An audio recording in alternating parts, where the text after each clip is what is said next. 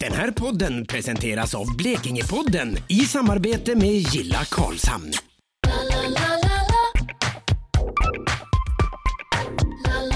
Idag träffar Jenny och Maria Niklas Holtne, skådespelare, manusförfattare och grundare av Vera-teatern i Karlshamn. Dessutom Gilla Karlshamn-pristagare. Vi träffar eh, Niklas. Vilken Niklas? Ska jag säga det? Ja, det tycker jag. Niklas Holtne är den ni sitter mitt emot just nu. Ja. Ja. Vad kul att du vill vara med i Blekingepodden. ja, vad kul att ni ville ha med mig i Blekingepodden. Ja, Ja. precis. Eh, Niklas, du håller på väldigt mycket med teater och är en väldigt eh, stor profil eh, i Karlshamn och i teatersvängen. Hur kommer det sig att det blev just teater? Det kommer sig, det var väl det där vanliga. Eh, om man tänker då, den startade i skolan då. Alltså om man inte var snyggast eller bäst på fotboll eller coolast eller snabbast eller allt det där. Bäst på att rita så fick man ta till andra knep. Och då var det väl humorn som kom fram ganska tidigt. Det man kallar för klassens clown. Det är väl väldigt vanligt bland skådespelare och komiker kanske att man, att man börjar så. Och det började väl med skolteatern, liksom redan i skolan. Sådär. Och sen så kom jag in på den banan som är väldigt vanlig i Karlshamn. Det är ju att man blir inskriven på Teatersmedjan. Eh, någon lärare där som sa åt mina föräldrar att borde ni inte skicka honom dit och så.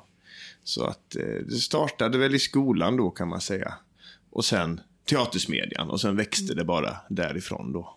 Mm. Men gick du någon inriktning på gymnasiet eller? Ja, då gick jag musik faktiskt. Estetisk musik. För då var jag i ett vägskäl där. Eh, jag var ju väldigt, jag spelade ju, spelade, ska jag säga, trombon. Väldigt mycket. Jag spelade nog i alla orkestrar man kan tänka sig att spela i, i Karlshamn under min gymnasietid och även i, i Blekinge sådär. Eh, och gick estetiska musik och, eller estetisk musik och eh, var väl nära att satsa på trombonen egentligen. Det var något vägskäl där som sagt när studenten kom. Ska jag söka till Teaterhögskolan eller ska jag söka till Musikhögskolan som alla mina kamrater gjorde då. Men så var det något som sa mig att det är nog teatern ändå du ska söka. Och då sökte jag till en teaterskola i Göteborg och kom in och så gick jag där. Och sen kom jag hem till Blekinge och då blev jag fast på Musik i Blekinge då. Per Dunsö som knöt mig till sig. Just det. Så det gick fort där när jag väl bestämde mig vad jag skulle syssla med. Men det var väldigt nära att det blev musiker. Så jag hade kanske suttit i någon symfoniorkester idag och räknat takter. så jag är glad att det blev detta istället. Ja, det känns helt rätt. Ja, faktiskt. Ja. Men vad är det som liksom, du pratar det här mycket om humor och så. Men finns det något mer du kan liksom säga ehm, vad det betyder för dig? Eh, just att stå på scen menar du? Ja, Eller överhuvudtaget nå ut till det? människor och... Ja. Ja, det är ju, det är svårt att sätta fingret på, men alltså det, det är ju någon passion för det. Det är inte bara att stå på scen eller att stå i rampljuset, utan det är ju hela maskineriet som alltid har fascinerat mig och intresserat mig. Allt från hur en teaterbiljett är designad till hur teatersalongen ser ut och affischen och allt det. Hela maskineriet har alltid varit väldigt intressant för mig. Och jag konsumerade väldigt mycket liksom teater via tv och så när jag var liten, minns jag. Tittade mycket på när Eva Rydbergs grejer sändes på tv och mycket sådär. Så att det var liksom, jag såg det utifrån också och blev intresserad av allt. Och eh, så är det väl fortfarande. Att det är någon slags drog, hela det där med, med teater. Och hela processen från idé till att man står där. Hela den resan som inte publiken får se egentligen. Den är också, den är ibland 70 procent av alltihopa. Varför man gör det. Men är det alltid humor? Nej, jag, jag har ju sysslat mest med humor. Eh, men jag är väldigt intresserad av att titta på dramatik. Jag går jättegärna till Dramaten och tittar på det nattsvartaste de, de har. Men det är väl kanske någon slags jag behöver väga upp det kanske. Att jag sysslar så mycket med komik så behöver jag fylla på det andra med någonting annat. Men sen humor och allvar är ju väldigt besläktade med varandra. Eh, så att på något sätt känns det som att jag sysslar väldigt mycket med eh, allvar och svärta. Fast eh, det kanske inte liksom syns så mycket sen i det färdiga resultatet. Men eh, det som kommer ut är kanske humor. Men det som ligger bakom är kanske något helt annat. Du skriver eh, dina eh, pjäser och eh, så själv. Ja, Är det, är det liksom... Är det också teaterapan i dig eller är det någonting att du vill verkligen jobba med det som är bakom också? Det som verkligen historien eh, och kläcka de här idéerna och så som... Ja, det har ju utvecklats till det att jag fann ett, ett intresse i det för länge sedan att just skriva. Och sen när man märker att det man skriver faktiskt fungerar, då blir det lite beroendeframkallande och sådär.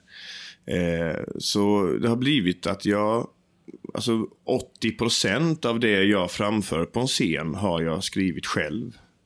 Eh, och de andra 20 procenten eh, andra grejer man tar för sig då, lite sommarteater eller eh, men skrivandet är en viktig del av mig. Jag, jag säger ju att jag är skådespelare och manusförfattare. Och de två rollerna har väl vuxit ihop mer och mer. Så det är en väldigt viktig del i det jag gör, att, att skriva också. Vad, vad är det... Alltså, ni, har, ni släpper ju en, en ny grej med Vera Teater nu. Ja.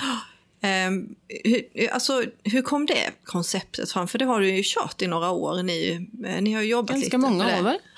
Ja, just det här Ja, krogshows-konceptet. precis. För det är ju väldigt udda. Det är ju väldigt annorlunda. Ja, det är ju det. Ehm, vi gjorde ju vår första, det blir ju vår en, två, tre, fyra, fem. Jag tror detta är sjätte krog, eller vad man ska kalla det, krogrevyn, restaurangrevyn eh, som vi gör nu tillsammans med Och Vin. Och jag kan berätta den historien, hur allting började där. Ja, gör gärna det. Det var, eh, det var sommaren 2012 så eh, fick jag i uppdrag, eller jag hittade på det uppdraget själv, att jag skulle anordna sex stycken fredagar utomhus på Ovin. I det här tältet de hade då på baksidan där. Som jag kallar för sensommar. Och så skulle jag sätta ihop sex stycken program. Och så fick man ju ta det man hade då. Och bland annat då så gjorde Vera Teatern en kväll där. Och vi kom ju från teaterscenen. Alltså det här med teaterpublik och ljuset går ner, man spelar, ljuset går upp och så går alla hem. Och då plötsligt där när vi står där den kvällen och spelar för en restaurangatmosfär och allt det. Då kände vi att, ja men jösses, det är ju detta vi måste göra. Och då gjorde vi vår första krogshow redan i september efter den sommaren. Vi hade ingenting. Varken idéer eller lokal eller någonting. Men vi skulle göra en krogshow. Och då flyttade vi in i en eh, ofärdig lokal i Gallerian. Eh, alltså ovanför brasseriet. Där det är kontor idag. Brasserie Fridolf. O- Ovanför där så var det en lokal som det inte var någonting i. Det var bara en betong. Där flyttade vi in och gjorde vår första krogshow. Som vi kallar krogshow då. Och sen har det konceptet eh, vuxit med oss och vi har inte tagit oss ifrån det. För det är ju ett väldigt bra koncept. För att vi har också fostrat vår publik, brukar vi säga. Att det är ju inte krogshow på det sättet att det är slipsen runt huvudet och man sjunger massa schlagermedlin och företagsjippon och alla är fulla och sådär. Utan det är ju teaterpubliken som kommer till vår restaurang. Och det är väldigt bra att folk kan både träffa sina kompisar och de kan käka och de kan dricka gott och äta gott. Och, och sen har vi då tre stycken akter emellan det. Så att det är väldigt mycket man hinner med på en kväll som publik. Än att bara sätta sig i en teatersalong och sen går man hem efter en och en halv timme. Så det är verkligen en hel kväll. Publiken kommer klockan sex och föreställningen slutar kvart över elva. Så det är mycket. Det är många timmar. Ja, det är tre. Vi räknade ut i höstas så var det tre timmar sentid. Alltså vi stod på scen i tre timmar. Så att publiken får ju väldigt mycket underhållning för pengarna. Om man ser det på det sättet. Till skillnad från en krogshow i Stockholm till exempel. Där, där äter man ju först trerättersmiddag. Och sen kommer själva showen på en timme eller en och en halv och sen är det slut. Liksom. Men ni håller till bara i Karlshamn? Ja, än så länge i alla fall. Vi gjorde ju ett gästspel i Stockholm här nu i mars. Som var fruktansvärt kul. Eh, Då åkte vi upp hela gänget och var med i någonting som hette Picknick. En nummerrevy där olika grupper då skulle bidra med ett nummer. Och vi var sist ut i föreställningen och drog vårt triumfkort då, ett nummer som heter Rikta din kamera mot världen. Det som folk kallar för selfie-sticks-numret. Det rev vi av där och det blev väldigt lyckat. Så både publik och de som medverkade kom fram efteråt och sa att detta var ju något alldeles speciellt. Så det var kul. Men eh, i höst är vi tillbaka på vår hemmascen igen. Du får berätta lite om den föreställningen. Det är oktober den har premiär, va? Ja, 27 oktober är det premiär. Eh, på Restaurang och Vin i Karlshamn. Eh, helt nyskrivet är det. Vi gjorde ju jubileumsföreställningen i höstas. Som innehöll, i höstas var det en akt som var helt nyskriven. Och så var akt två och akt tre var nostalgi. Men nu är det tre stycken akter som ska vara helt nyskrivna. Så det är tre timmar material som ska kläckas och skrivas. Eh, Den heter Villa Vove Vera och är en livslång krogrevy. Så vi ska gå från spermier till död under en hel kväll. Okej. Den får vi ju nästan, den får vi ju nästan boka in oss på. Den Ja. släppt biljetterna precis, eller? De är släppta, ja. Jajamän. Och det säljer på i en rasande fart. Det är Var köper man dem om det är någon som undrar, tänker jag? Man köper dem direkt på nätet, verateatern.se. Man köper dem på alla länets eh, turistbyråer. Och man köper dem på Stora Coop i Karlshamn. Så de finns lite överallt. Kan ju vara bra att veta om det är någon som lyssnar och är Det intresserad. tycker jag. tänker Absolut. Men jag har en liten fundering jag sitter och tänker på här.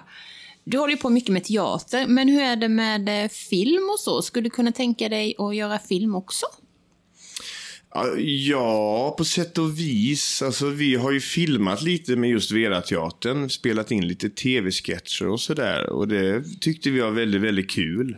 Men vi är lite larta liksom när det gäller det där. Alltså vi tycker ju att det är mycket roligare att göra teater. Liksom. Det här med att man får publikresponsen direkt och man märker att det funkar. För när man spelar in film eller tv-teater och sådär då liksom, och sketcher, då, då är det bara kameramannen bakom sin kamera eller kamerakvinnan. Eh, och de är ju fullt upptagna med att sköta sitt jobb. Liksom. Så att det är inte mycket respons. Och, och sen så kanske man lägger upp det på YouTube eller man skickar det någonstans och då får man ju ändå inte höra några publikreaktioner. Så att det känns lite som att man, ja, vi lockas mer av scenen. Men eh, Ni vill ha den där lilla kicken som publiken ger tillbaka. ja, vi, Närheten? vi brukar säga att det är, vi tycker det är roligare att spela ut än att spela in. Kan man säga. Ja. Det, det var ju lite bra. Ja, men allt kan ju ändras såklart. Eh, rätt tillfälle så absolut. Hur, hur länge övar ni inför en föreställning? Eh, vi börjar med att vi har någonting som heter kollationering. Och det betyder, det är alltså den första manusläsningen. Då ska allting vara klart. Och det har vi nu den 29 maj. Då ska hela manuset vara klart och alla låtar och allting. Så man kan säga att manuset är klart ett halvår innan premiär. Eh, och då drar ju hela produktionsprocessen igång med allting som ska byggas och snickare och dekor och sömnad och allting. Och sen träffas vi lite smått redan på sommaren brukar vi göra. Få till tre veckor kanske under sommarspannet.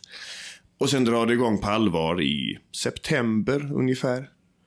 Och ju närmare man kommer desto mer heltid blir det då, så att säga. Men ni har inga andra jobb vid sidan av det här då, eller? Jo, det har vi. Det är lite olika, men en stor del av gänget ingår ju i Musik i Blekinges musikteaterensemble Dunse kapell. Så vi turnerar oftast samtidigt som vi har vår repperiod. Så det brukar vara ganska långa dagar. Man kommer direkt från föreställningar ner till Ovin och ska repetera och sådär. Så det är mycket dubbelarbete. Mm. Men man är så van vid det nu så att det hade känts konstigt om det inte var så nästan. Mm. Mm. Alltså har du någon föreställning du drömmer om att få göra? Om du bara fick spruta någon idé och det verkligen går att genomföra. Vad hade det varit? Oj, ja man ska ju inte avslöja för mycket sånt där kanske, men eh, alltså vi kan ju också känna att det hade varit kul att göra någonting, eh, alltså vår hemmascen som vi kallar den, och vin, i all ära, men den är ju också ganska liten. Alltså man, som manusförfattare tvingas man ju verkligen att trolla med knäna. Liksom, vad kan vi göra på denna scenen? För man har ju ingen takhöjd, det finns inget backstage, det finns ingenting. Och det i sin tur har gjort att vi har, att väldigt skojiga och häftiga idéer har fötts i det lilla. Men sen har det varit kul att på något sätt göra de där idéerna som man får skrota oftast. För att det finns inte utrymme. Det finns inte takhöjd eller det finns inte sådär. Så att någon gång hade det varit kul att, att göra en föreställning på lite större scen kanske. Är det tvunget att vara Karlshamn då eller? Nej, det är det väl inte. Men vi brukar säga att premiären kunde ju ske i Karlshamn. Mm. Och så kunde man spelat den i Karlshamn kanske en hel höst. Och sen kunde man gett sig ut och erövra världen på våren där istället. När man har spelat in den liksom. Mm. Men det finns, jag, jag, det finns ju ett gäng i England som jag är väldigt eh, inspirerad av, väldigt tycker om. Man kan säga att det är Englands motsvarighet till Vera-teatern. De har ju sjösatt eh, tre stycken fantastiska föreställningar. Bland annat en som heter The Play That Goes Wrong. Som faktiskt ska upp i Sverige nu. Eh, vilket jag blev lite sur över för jag tyckte att det kunde ju Vera-teatern gjort i framtiden. Mm. Men den ska sättas upp nu och det är väl på tiden. Den är ju fantastisk. Men som, det här gänget har också gjort andra föreställningar. Så det var kul någon gång att kanske ta ett steg tillbaka som manusförfattare och låta sig eh, göra något annat kanske. Och då finns det kanske en pjäs där som de har skrivit som vi kanske skulle kunna sätta upp i framtiden. Så det är en liten drömproduktion sådär. Mm. Mm.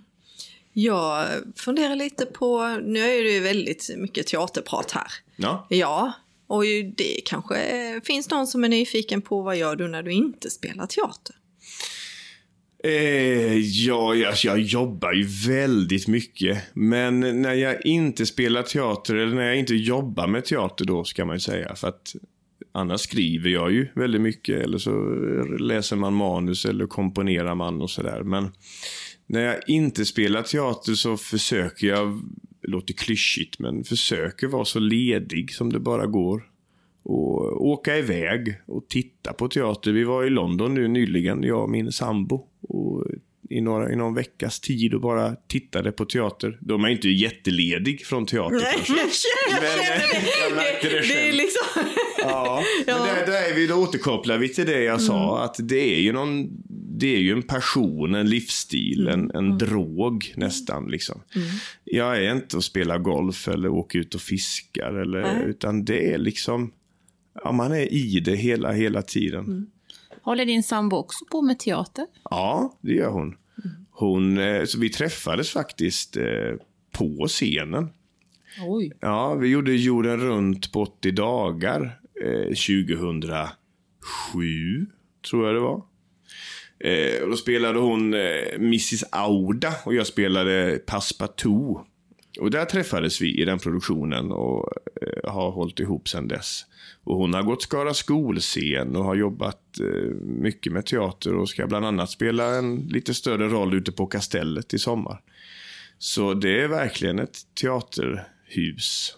Och det är skönt att dela det intresset också. Mm. Till exempel om man åker iväg och sådär. Så, där, man behöver inte diskutera om man ska gå och titta på en föreställning eller åka och se en sommarteater. Utan det gäller bara att hitta rätt datum så så är det självklart på något Men det sätt. hade ju varit tufft annars om man, om man, för, för Ja, man har ju på det, det är ju liksom, det är ju teater, det är hela 24-7 Ja, ja, lite grann. Och då hade det ju varit jättesvårt att ha någon som definitivt inte hade det intresset. som sitter och pustar när man ska se Ja, men, teater. ja, eller- eller när man vill alltså, diskutera. För jag kan tänka mig att du pratar, alltså ni delar rätt mycket kanske idéer och tankar och funderingar och så. Ja. Och då hade det varit jättesvårt om man inte hade haft någon att bolla med som bara tycker men gud, kan du inte lämna jobbet på jobbet liksom? Ja, sen är jag väl ganska dålig på att släppa jobbet hemma också. Det är ju hon mycket bättre på och sådär.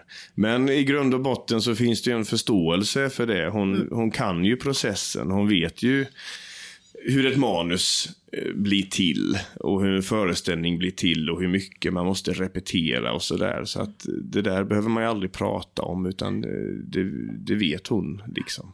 Eh, Ja. Jag funderar lite på, för det finns ju, det finns ju flera processer i det här istället, istället för bara liksom manus, sätta upp liksom. Jag känner ju en tjej som, som håller på och hjälper, eh, eh, hjälper till med att fixa kläder och sådana här saker. Och det är ju, det hade inte jag en aning om. Det verkar som det är en jätteprocess, för den började ju redan vid årsskiftet för Sommarteatern. ja. Så att eh, det är ju, det är ju en rätt stor apparat Ja, det är en jätteapparat. dela med dig lite. Vad är det som händer mer än det här repetitionerna? Och det, för det är mycket kulisserna. annat. Det är mycket annat också som måste klaffa liksom. Absolut. Om, man då, om vi släpper Vera-teatern och pratar om då till exempel Kastellet, där jag också har varit med i just produktionsgruppen och så. Det- är ju ett jättearbete. Först ska man ju komma överens om, eller komma fram till vad ska vi sätta upp? Där börjar det ju liksom.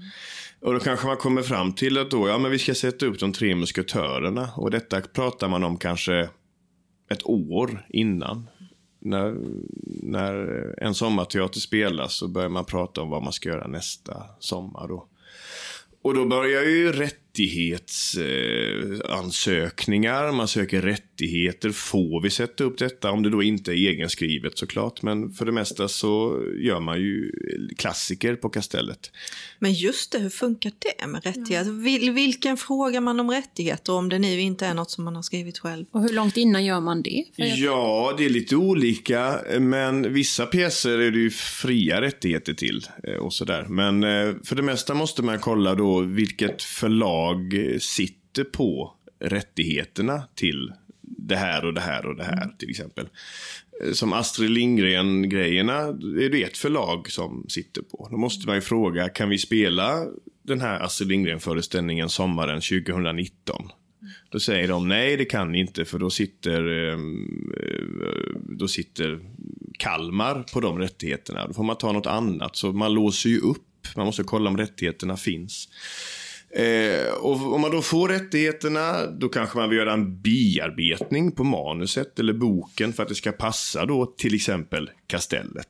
Då måste man ansöka om det. Får vi göra rättigheterna eller får vi rättigheterna att göra bearbetning på det? Och då kan det ta några månader innan det är klart. Och sen ska det skrivas ett manus.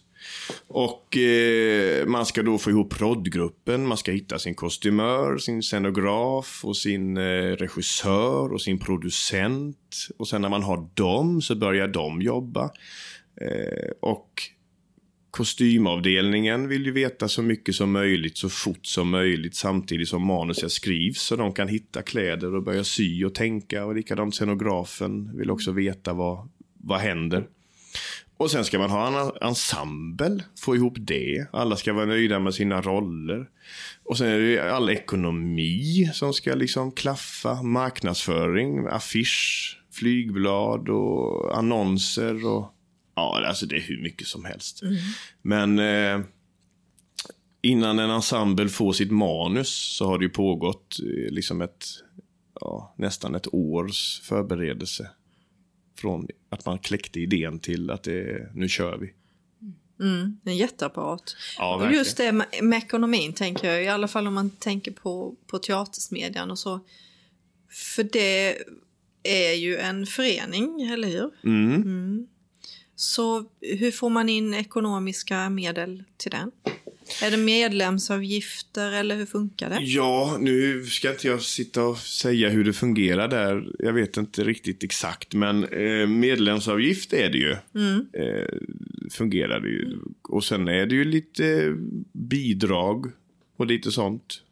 Jag vågar inte säga vad det är för bidrag. Nej, men, nej, men, alltså, det för det kostar ju en hel del pengar. När, hela, den här, hela den här resan som du berättar måste ju kosta jättemycket pengar Oh, ja. faktiskt. Därför att det är, ju, det är ju någon som ska hålla i alla, det är förmodligen en projektledare som ska sitta och hålla i alla processerna och se till att allting blir gjort och jaga rätt på folk och sen ska de ha lön. Ja, ja, ja. Det, alltså det tickar ju på, Visst. tänker jag. Och framförallt så måste ju Sommarteatern gå bra publikt för att den Mm. finansierar ju då nästkommande sommarteater. Mm.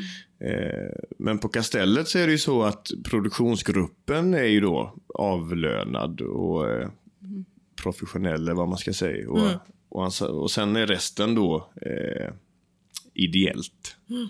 Men det kostar ju jättemycket pengar. Bara båten över till Kastellet kostar ju x antal hundratusen varje sommar. Bara för att få ut folk.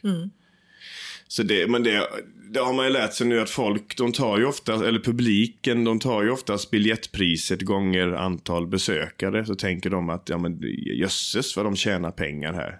Rakt in i fickan liksom. Men så är det ju inte, det kostar ju väldigt, väldigt mycket pengar. Mm. Likadant tror- för Vera-teatern då, det är ju, det är hur mycket som helst Mm. alltså.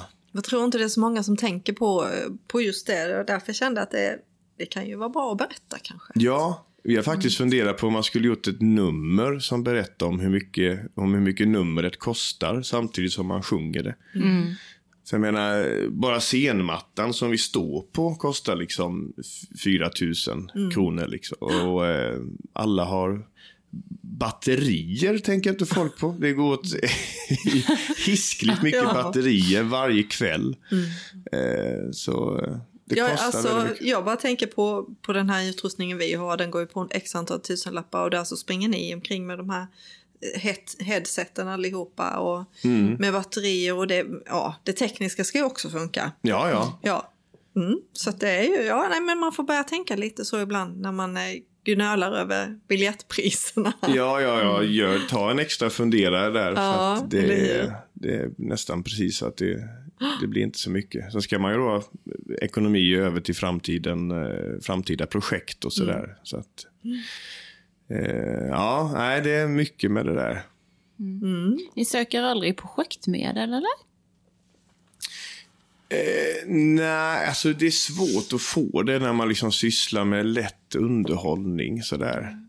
Eh, jag tror vår producent har väl försökt men ofta så blir det väl avslag slag på det där att det är krogshow och det är humor och det är revy och det är skillnad om man har något, nu ska vi göra en föreställning om mobbing eller om... eh, Eller med en speciell målgrupp? Ja, precis. Men den lätta underhållningsbranschen är svår när det gäller det där. Tyvärr. För det är ju, kan ju vara läkande för många att komma och skratta en hel kväll. Ja, men friskvårdspengar. Ja, man tycker ju det. Ja, men eller hur?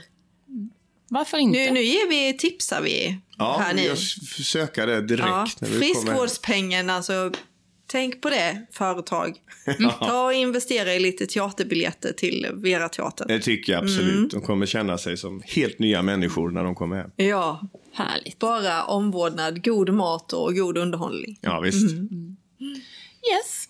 Känner vi oss nöjda, Mia? Har vi Ja. mer frågor? Ja, det gick ju inte att klämma honom på så mycket privat. Det var ju teater. Nej, det var teatern.